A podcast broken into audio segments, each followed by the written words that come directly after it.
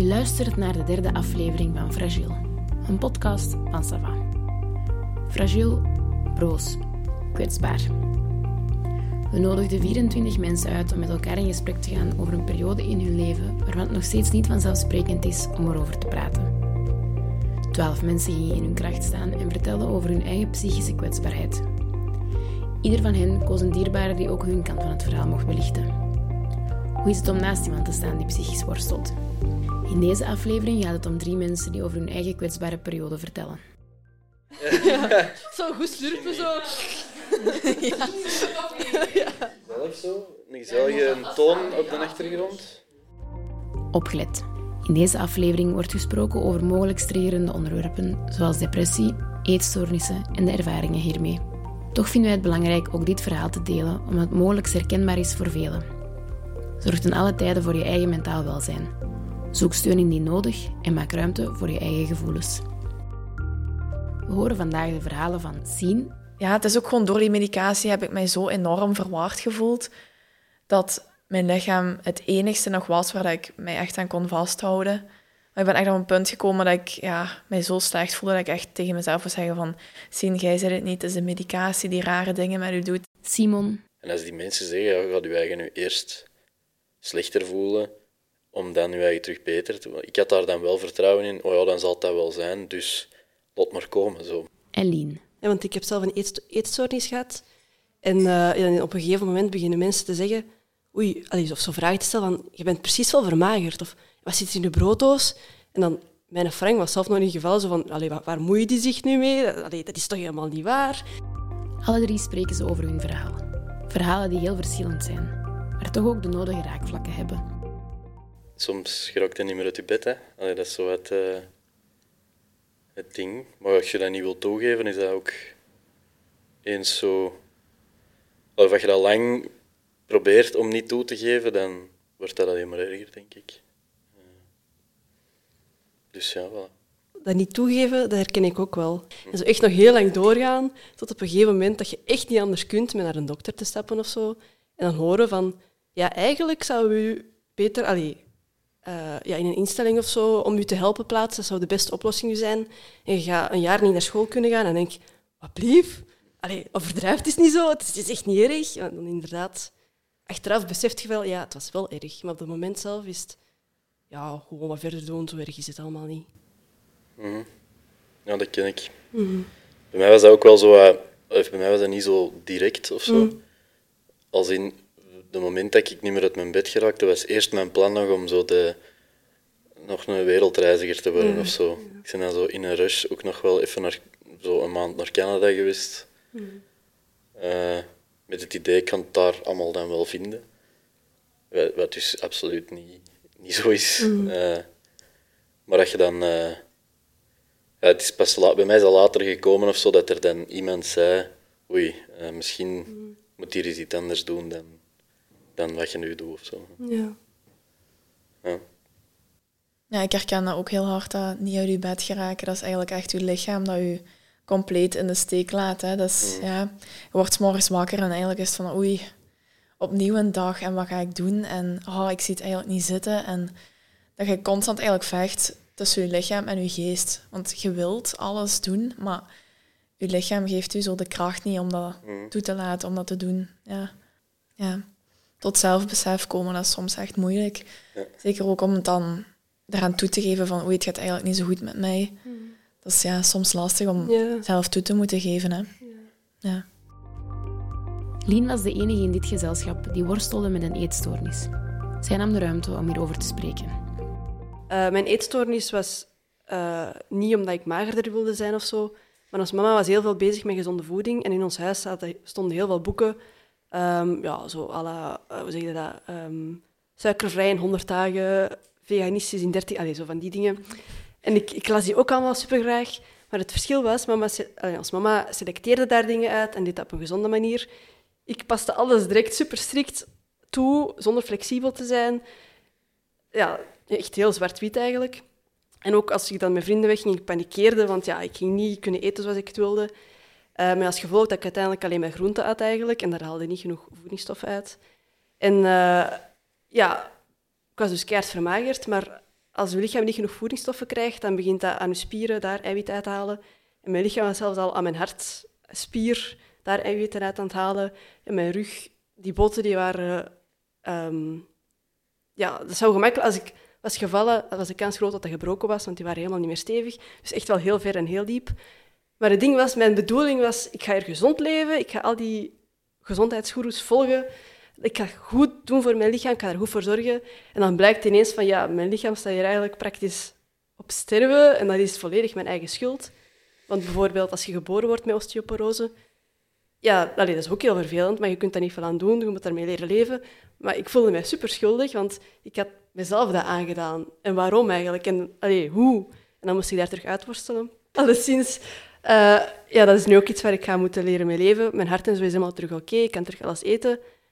Maar ja, mijn rug bijvoorbeeld, waarschijnlijk ga je er altijd nog wel wat last van hebben en zo. En dat is ook iets waar je achteraf mee om moet leren gaan. En ja, dat schuldgevoel toch wel loslaten, want het is nu zo, je kunt er niks meer aan doen. Oké, ja, het is dan mijn schuld, zo gezegd, maar ik heb er ook dingen uit geleerd. En ja, het leven gaat door. Ik vind dat wel een felle uitspraak. Ja, dat, dat- schuld. Dat die schuld, bij u zit. Ja, Ik denk als je het dan hebt over alle gezondheidsgoeroes, ik denk dat die dan misschien ook eens twee keer met u nadenken. ja, dat is waar. Allee, Ja. respect, maar... eh, hè, eh, en ook het maatschappelijke beeld daar rond. Oké, dat is gezegd, dat is niet per se om magerder te worden Mm. of dingen, maar ook het maatschappelijk beeld rond gezonde voeding, eh, daar is ook een beeld rond. Ja, En dat, dat is waar. lijkt, me, eh, lijkt me nogal zot om zo'n groot, gigantisch iets allemaal op jezelf te nemen. Eh, ik denk dat daar eh, wat schipperruimte in is of zo. ja. Allee, ja, zwart, ik, Ja, ken ja, uw verhaal niet, hè, maar ik wil maar zeggen dat dat lijkt me wel eh, heftig als je dat allemaal zo op u moet gaan pakken. ja. of zo. Voelt je nu nog altijd de schuldige? Schuldig niet echt meer, maar het is zo meer spijt. Want ik had het kunnen voorkomen allee, als ik sneller had doorgehad dat ik aan het overdrijven was, of sneller had ingegrepen, of inderdaad wat gezond verstand had gebruikt en niet alle ja, diëten tegelijkertijd wilde volgen. Dan had het kunnen voorkomen zijn en dan was het nu ook helemaal anders geweest. Want dat is ook wel zo wat, mij wel raakt, dat je dat zegt, zo, dat, dat die, die weg daar naartoe, dat je dat compleet niet door hebt of zo. En dat je... dat dat zo als een, als een, een bom binnenkomt. Zo. Ik vind dat... ja, ja. Dat is heel abrupt zo. Hè. Normaal er is zo'n sluimerend iets, of bij mij was dat toch zoiets sluimerend. Je weet wel, wow, hier zit al iets niet juist morgen. eh, Hè, zo. En dat dat bij u zo, en zeker als het dan over iets fysiek wel ook gaat, eh, dat het dan zo abrupt ineens, eh is wel heftig, denk ik. Want ja, dat is natuurlijk in elk genezingsproces. Maar ik moest dan ja, naar de diëtiste, naar de psychiater, naar het ziekenhuis regelmatig. Elke dag werden we daar opnieuw mee geconfronteerd van ja, het is echt niet goed, hè. het is echt niet goed. Ja, ik weet dat het niet goed is. Ja. Maar ja, dat, dat is nodig en dat is in elk genezingsproces, maar dat is ook wel vermoeiend op een bepaalde manier. Tuurlijk, ja. Ja, dat is zo... De, zo in het begin, eh, bij mijn opname, was dat ook zo, eh, de, zo die zinnetjes allemaal zo. Mm. Ja. zo. Ja, maar het mag er zijn. En hier, maar hier is er ruimte voor. Ja. Ik moest er echt van dat verschrikkelijk. Uh-huh. Ook weer, klopt wel, hè, maar ja. Oh, oh. Ja. En zo, ik kan me dat wel voorstellen, dat is iedereen, eh, "Joh, het is niet goed. Ja, ik weet het ondertussen wel, maar even... Ik moest dan ook zo alles wat ik had opschrijven en elke dag op de Oh. weegschaal en dat helemaal bijhouden en zo. Allee, hier gaan we weer. Je wordt er ook zo echt dag in, dag uit. Echt Ja. heel hard op gefocust Ja. waarschijnlijk. Ja, je kunt niet een dag vakantie pakken of zo, vandaag even niet. Ja. Ga door, hè. Zowel Sien, Lien als Simon hebben op een bepaald punt in hun traject aan zichzelf en hun omgeving moeten toegeven dat het niet goed ging met hen. De rol die hun omgeving speelde in hun traject is bij elk van hen anders. Dat is niet niks, hè. Dan een maat moeten bellen om te zeggen, ga eens met mij naar de winkel, want anders ga ik er niet geraken. Ja, dat is zo wel... Of komt eens aanbellen, dan ga ik misschien op mijn bed komen. Ja, dat zijn geen kleine dingen, hè. En die mensen stonden dan ook maar op te kijken en denken, "Eh, wat gebeurt er hier? Maar dat is, dat is, niet, eh, dat is niet gemakkelijk om dan op die moment dat te doen of zo. Ik ben wel heel blij dat ik dat... Of ik heb dat wel een beetje in mij om zo die hulpvraag toch te uiten of zo. Of sinds dan. Ehm, waardoor dat ik ook wel echt dat heb gedaan. Allee, ik ben er ook blij voor, want bij mij heeft die periode van in uw bed liggen twee weken geduurd. En dan ben ik begonnen aan, oké, dus nu moet er een proces opstarten en moet er hier iets veranderen of zo. Ja, bij mij was ook het contrast met voor en na het hulpvragen echt heel groot. Want ja, ik had mezelf uitgehongerd, en het ding is dat je lichaam gaat in een soort ja, overlevingsmodus of zo. Uh, want ja, dat is de laatste inspanning van je lichaam van toch nog te overleven. Ja, dat is nog iets van vroeger, uh, oermensen en zo. En uh, het ding is dat dan krijg je ook hormonen vrij, waardoor dat je je effectief wel goed voelt. Dus ik dacht, ik ben hier goed bezig, ik voel me goed, ik heb energie. Die mensen die zeggen maar, dat klopt niet, ik voel me goed, dat is het belangrijkste. En dan, ja, inderdaad, krijg je te horen van, ja, nee, het gaat wel echt niet goed. En dan zit je ineens in een rolstoel, je mocht drie maanden niet meer buiten komen. En dan, dat is een heel groot contrast, want je voelde je goed en dan nadat je dan ja, hulp hebt gevraagd, voelt je even heel slecht, want je weet van, ja, het is dus toch niet goed. En nu mag ik niet meer buiten komen. En waarom eigenlijk? En al die vragen zijn zo heel confronterend op dat moment. Ja, um, depressie is ook iets, of eender welke moeilijkheid, is iets super persoonlijk. En, en je kunt daar wel over praten met anderen, maar toch ja, is het heel moeilijk om je daar ja, in in te leven. Waar, ook, ik ook absoluut niemand kwalijk neem, voor alle duidelijkheid. Maar voor mijn ouders vonden dat wel heel erg. Van, ja, gelijk ik zei, mijn, ouders zijn ook alle twee heel begane, sociale mensen. En thuis hebben wij een, een sfeer waarin over alles gepraat kan worden. Maar echt over alles, niks is taboe thuis. en daarmee dat dat ook moeilijk was voor hun, van shit, nu zitten eigenlijk eens met iets waar we wel over kunnen spreken, maar helemaal niks aan kunnen doen. En dat vonden zij heel moeilijk om te accepteren. Hierbij luisterden we aanvullend naar een fragment uit het kennismakingsgesprek met Lien. Hierin sprak ze over de sociale controle die ze ervaarde tijdens deze gehele periode. Op het moment zelf was ik ook eigenlijk kwaad op die mensen. Waar moeien die zich mee? Mm. Maar achteraf ben ik daar wel echt dankbaar voor en weet ik dat ik ook geluk heb gehad, want inderdaad, die sociale controle is er ook niet altijd. En als dat er niet was geweest, had ik waarschijnlijk gewoon rustig verder gedaan zoals ik bezig was. En ja, dat was nog veel erger geweest of geworden. Ja, ik had die sociale controle niet echt, omdat ik bij mij slecht beginnen voelen tijdens... En toen het hele strenge lockdown was op kot, ik was, ja... Ja, er waren niet veel mensen rond mij om mij te controleren of om me te zeggen, nou, je ziet er toch niet zo goed uit. Of gaat het wel, maar nu dus op dat vlak ja, herken ik dat minder. Ja. Maar dat is gewoon dat mijn verhaal anders is. Ja. Ik, heb dat wel, ik heb dat wel zo moeten... Die sociale controle, ik weet ook niet of ik dat per se had. Ik denk niet dat er heel veel mensen in mijn omgeving waren die daar effectief vragen over stelden. Ik denk dat ik heel hard heb moeten roepen zo. Mm. Voordat dat er dan... En dat je zo echt drastische beslissingen moet maken. Zo, is een, ja, ik ga naar een psycholoog, is dan zo'n ding. Maar dat is dan nog niet drastisch genoeg, blijkt dan, want dat matcht dan niet met het mhm. gevoel dat je hebt of zo. En anderen gaan er, oh ja, oké, okay, ga eens naar een psycholoog, het zal, het zal wel rap over zijn of zo. Dus ik voor mij is dat wel anders of zo. Dat ik, ik heb zo heel hard mijn best moeten doen om zo wat gezien te worden in dat, in dat stuk van, ja maar hallo, het gaat hier eigenlijk niet goed met mij. En dan, allee, dat is zo een paar maanden geduurd en dan was wel iedereen mee, maar ja, ik heb dat wel zo wat ja. in moeten overtuigen. Oh, dat had ik wel niet. Bij mij was dat vooral... Ja, ik zat doorheen de week dan in Leuven op kot. En dan als ik in het weekend naar huis ging, dan liet ik dat wel zo vallen. Van, oh, ik weet toch niet of dat ik me zo gelukkig voel. Of dingen vragen heel veel van mij, zoals naar de winkel gaan. Of mijn sociale contacten behouden. Ja, zo in die zin. En dat ja, mijn ouders dan ook wel op afstand aanvoelden natuurlijk. Van ja, het gaat toch niet zo goed. En dan heb ik wel voor mezelf beslist van, ik ga toch eens met iemand praten. Maar daarin heb ik wel heel veel erkenning van hen gekregen. Van dat is heel sterk van u dat je zelf die hulp gaat opzoeken. En ze hebben mij daar altijd helemaal in gesteund. Ze kunnen alle drie omschreven worden als sociale personen. Echter kwam er een moment in hun leven dat sociaal contact onderhouden niet meer vanzelfsprekend was. Ja, sociale contact onderhouden was heel moeilijk voor mij. Dat, ja, dat vreten energie, gewoon, dat, is, ja, dat was er echt te veel aan. Zo op die manier dat zij dat ook niet wisten, omdat ja, zij hoorden ook al een langere tijd niet meer van mij. Dus ja, dat vond ik ook wel erg. Ja. Dat is ook herkenbaar. Allee, zo. Ik, ik ging nog wel buiten. Zo, mhm. ik deed mijn sociale contacten nog wel. Maar de manier waarop was echt een grap eigenlijk. Zo. Ja. Ik zat dikwijls op... We gingen op café of zo en dan zat ik zo aan een toog een spelletje te spelen op mijn gsm. Ay, niet interessant, totaal niet, ay, niks wat ik normaal eigenlijk doe, maar op die moment was dat beter dan...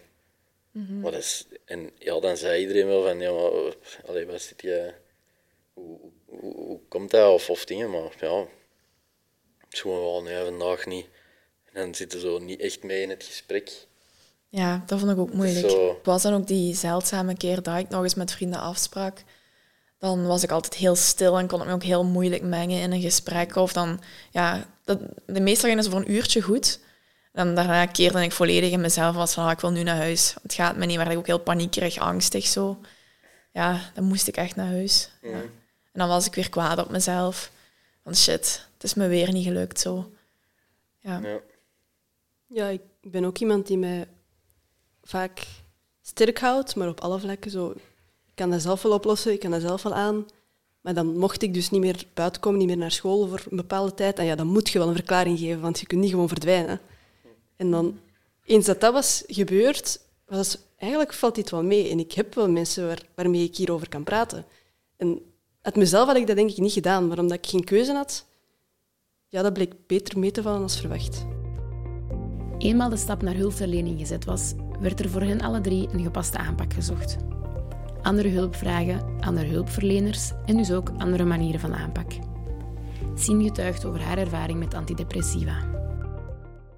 En voor mij was een eerste keer naar de psycholoog gaan eigenlijk wel allee, een soort van houvast. Van oké, je zit er niet meer alleen in en iemand gaat u helpen. En ehm, ik voelde me ook wel heel goed toen bij mijn psycholoog.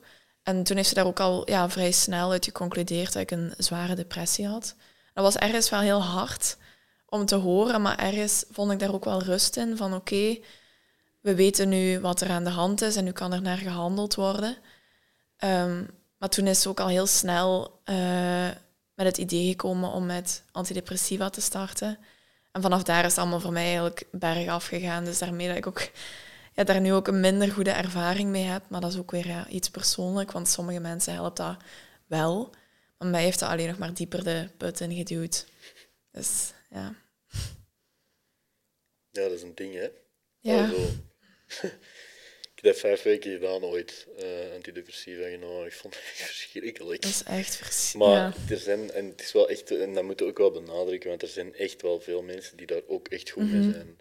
Die staande kunnen blijven om die reden, of zo. ja, dat is Ja, ik ook. ken er zo genoeg. En dat, Daarmee, ik heb daar nu gewoon een hele slechte ervaring mee, maar ik probeer ook te denken, ja, dat is persoonlijk, andere mensen helpt dat wel.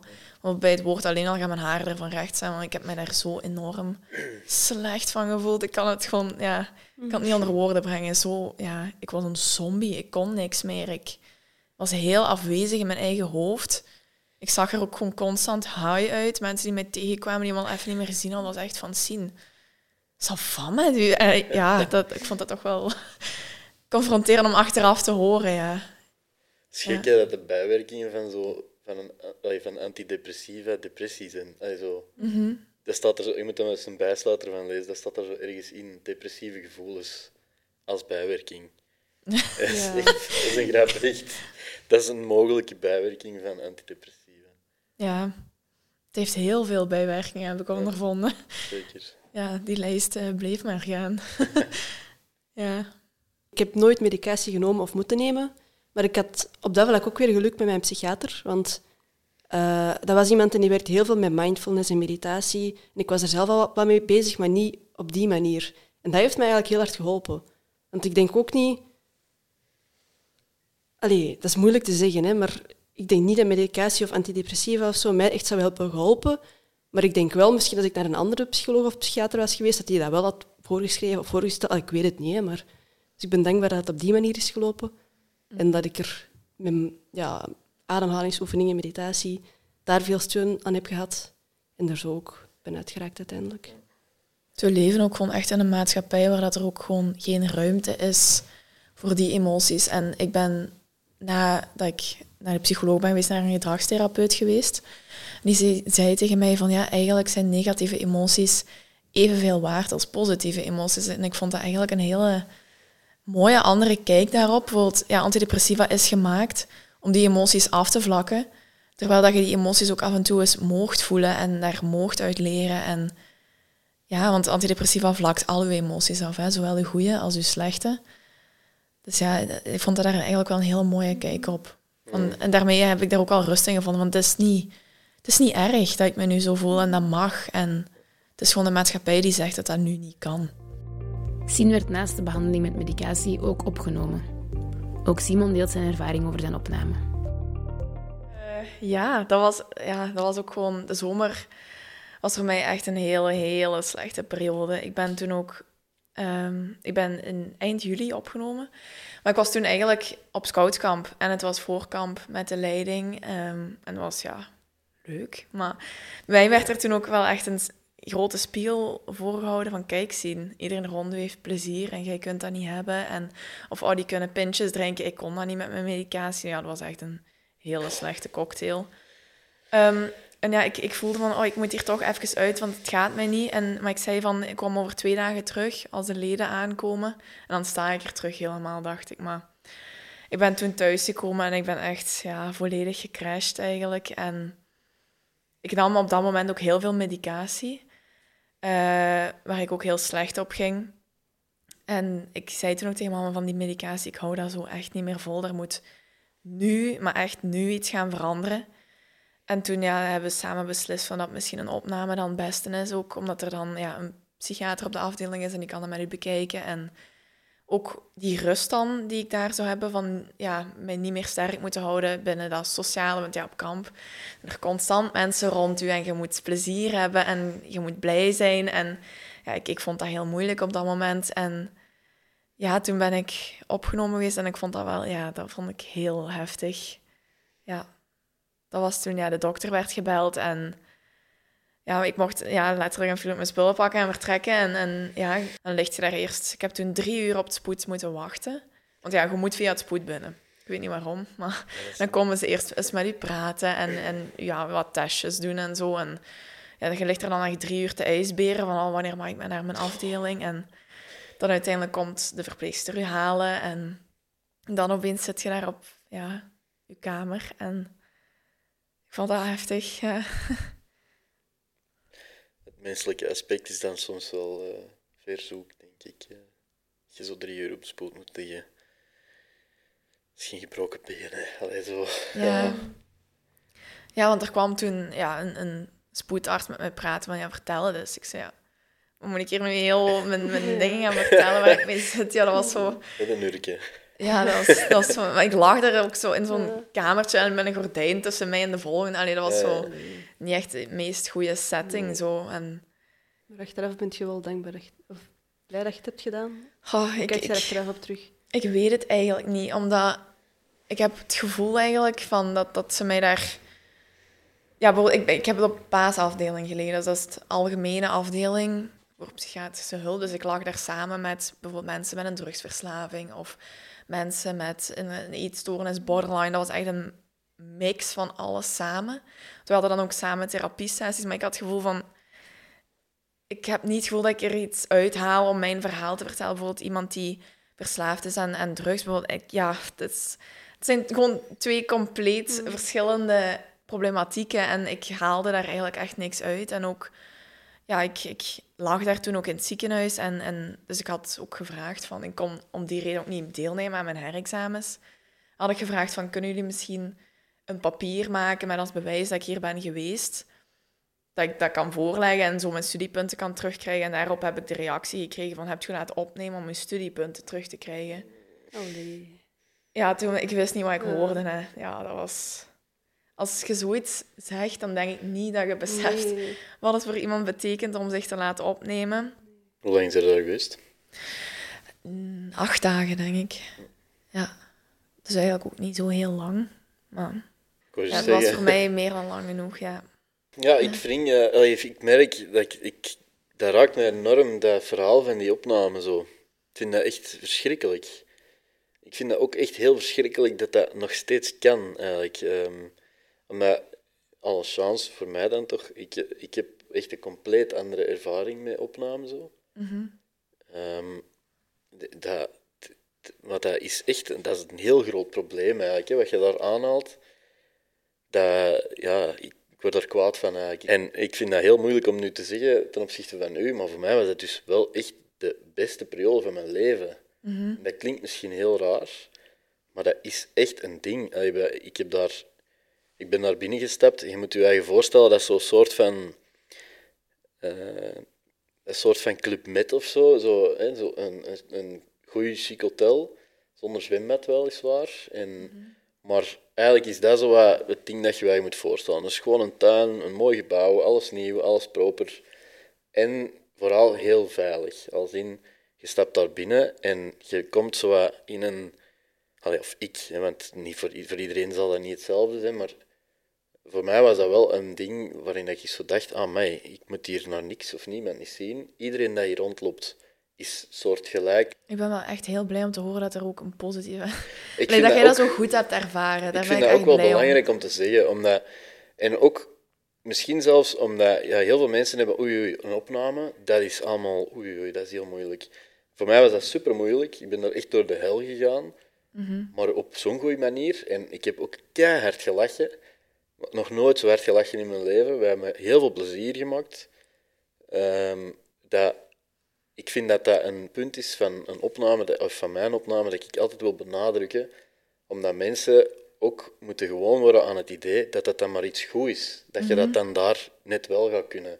Dat is ook, maar ik Ik wil dat totaal niet afkraken, voor alle duidelijkheid. Want ik besef ook wel dat Nee, nee, dit nee. Ja. Ja, gewoon niet. die ik wel heb gehad. Alleen dat er ook superveel mensen wel echt mee geholpen worden.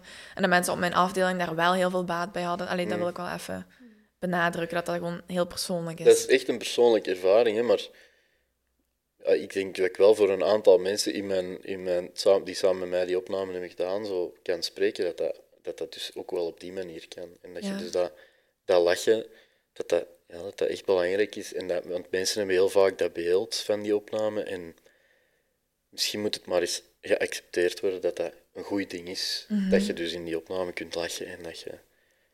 Dat, dat, dat, ja, dat je, ik voelde me daar heel schuldig over, dat ik daar niet elke dag zat te wenen.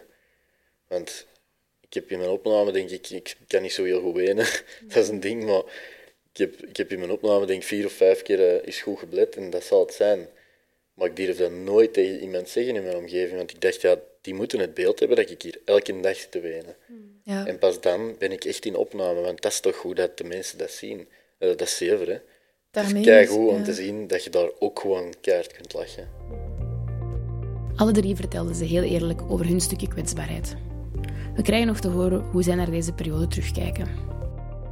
Ja, ik heb, ben nu ook wel op een punt dat ik zoiets heb van, oké, ik ben er wel echt door. En ja, ik denk wel dat dat daardoor is gekomen. Want als ik ja, had, nog meer had liggen tegenstribbelen of zo, dan had het misschien nog langer geduurd.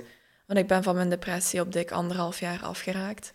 Terwijl je leest van, dat kan zes jaar duren, of het kan tien jaar duren. Of ik had echt zoiets van, oh nee, als dat mijn toekomst is, dan ziet het er niet zo rooskleurig uit. Ik ben hier echt al wel even bezig, hè. Ja. En ik denk niet dat ik er al vanaf ben. Shit. Ja, voilà, nee, maar ook- ja. dat is chic. En ook, ah, ik bedoel, als je zo... Ik denk ook vooral dat heel dat... ah, voor ik moet voor mezelf spreken, hè, maar zo dat... Ik zie dat nu ondertussen meer als iets, ja, dat is deel van het leven. Mhm. Niet per se, ik moet... Want depressief klinkt ook altijd heel zwaar, maar dat een kan soms ook echt dikke pret zijn. Eh, ja, dat, ik vind dat wel.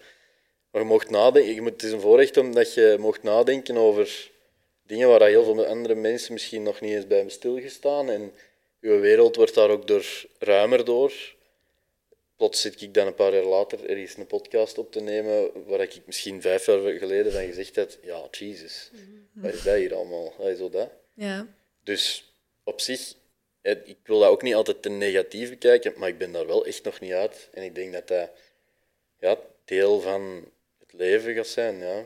En als je je eigen morgen of vandaag heel slecht voelt, dat je weet, en dat je dat echt al weet, dat het waarschijnlijk binnen dit en zoveel dagen wel weer terug een beetje beter gaat gaan. Dat al weten, is voor mij al eh, een, een heel groot ding, omdat ik dan... Allee, vroeger, ja, dan lig je in je bed en dan denk je, shit, heel de wereld is gepasseerd en ja. er gaat nooit niks meer goed gaan en alles is slecht. En nu lig ik een dag in mijn bed en denk ik, oké, deze is weer een klote dag, maar goed, we zullen er wel weer doorkomen. En... morgen is er een nieuwe dag en hopelijk gaat hij iets beter of zo. En ik weet niet of je de metafoor kent van de zwarte hond. Nee? Dat, is, dat gebruiken ze als metafoor voor depressie. En die hond loopt dus altijd bij je. Soms loopt hij op een afstand, soms Ja. zit hij echt bij u, zit, allee, heeft u helemaal in zijn macht. En daarmee omschrijven ze dus depressie in de zin van: het is er altijd, het is altijd bij u, maar al dan niet elke dag even dichtbij. Ja, ja. Ja, Daarmee- dat klopt.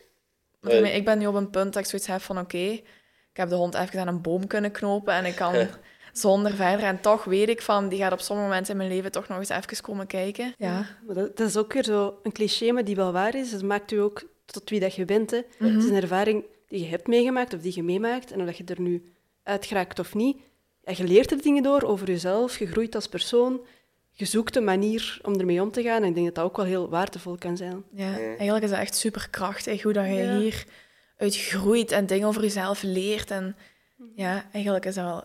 Het Ja. heeft ook zeker zijn voordelen. Dat is dus een dikke pret dat ik er juist zei. Hè. Ja. Ja. Ja, dat is echt geen zever, maar dat, allee, echt allee, lachen, hè, soms. Want je maakt soms ook... allee, of wat ik vaak heb, is je maakt...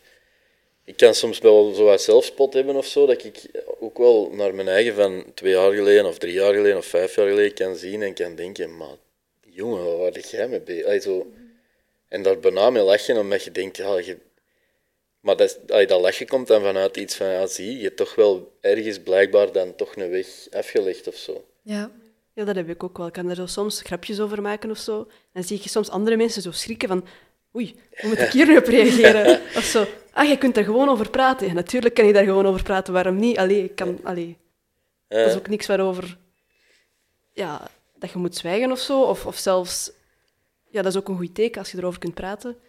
Dat je er afstand van kunt nemen. Ja.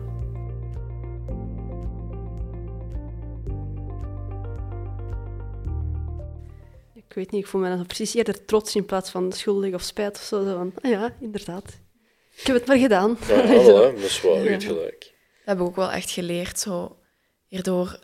Ja, ik heb wel echt geleerd om liever voor mezelf te zijn en minder streng. En ook daar af en toe mogen daar eens bij stilstaan van kijk eens wat voor een weg dat je hebt afgelegd. En kijk eens hoe goed je het nu doet. En het gaat goed op school en je examens gaan goed. En je hebt terug contact met je vrienden en, en je hebt terug lol en je hebt terug plezier in je leven. Ja, ja. En dat is gewoon alles wat ik wou.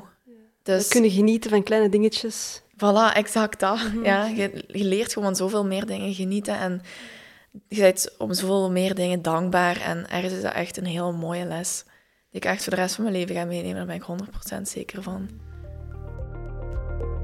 Heb je na het horen van deze podcast nood aan een gesprek? Dan kan je steeds terecht op het gratis nummer 106 van Teleonthaal. De zelfmoordlijn op het nummer 1813. En weet dat je ook bij je huisarts of in crisissituaties bij de spoeddienst terecht kan. Zorg voor jezelf, blijf erover praten. Deze podcast van Sava werd mede mogelijk gemaakt door de financiële ondersteuning van Young Lions Lier.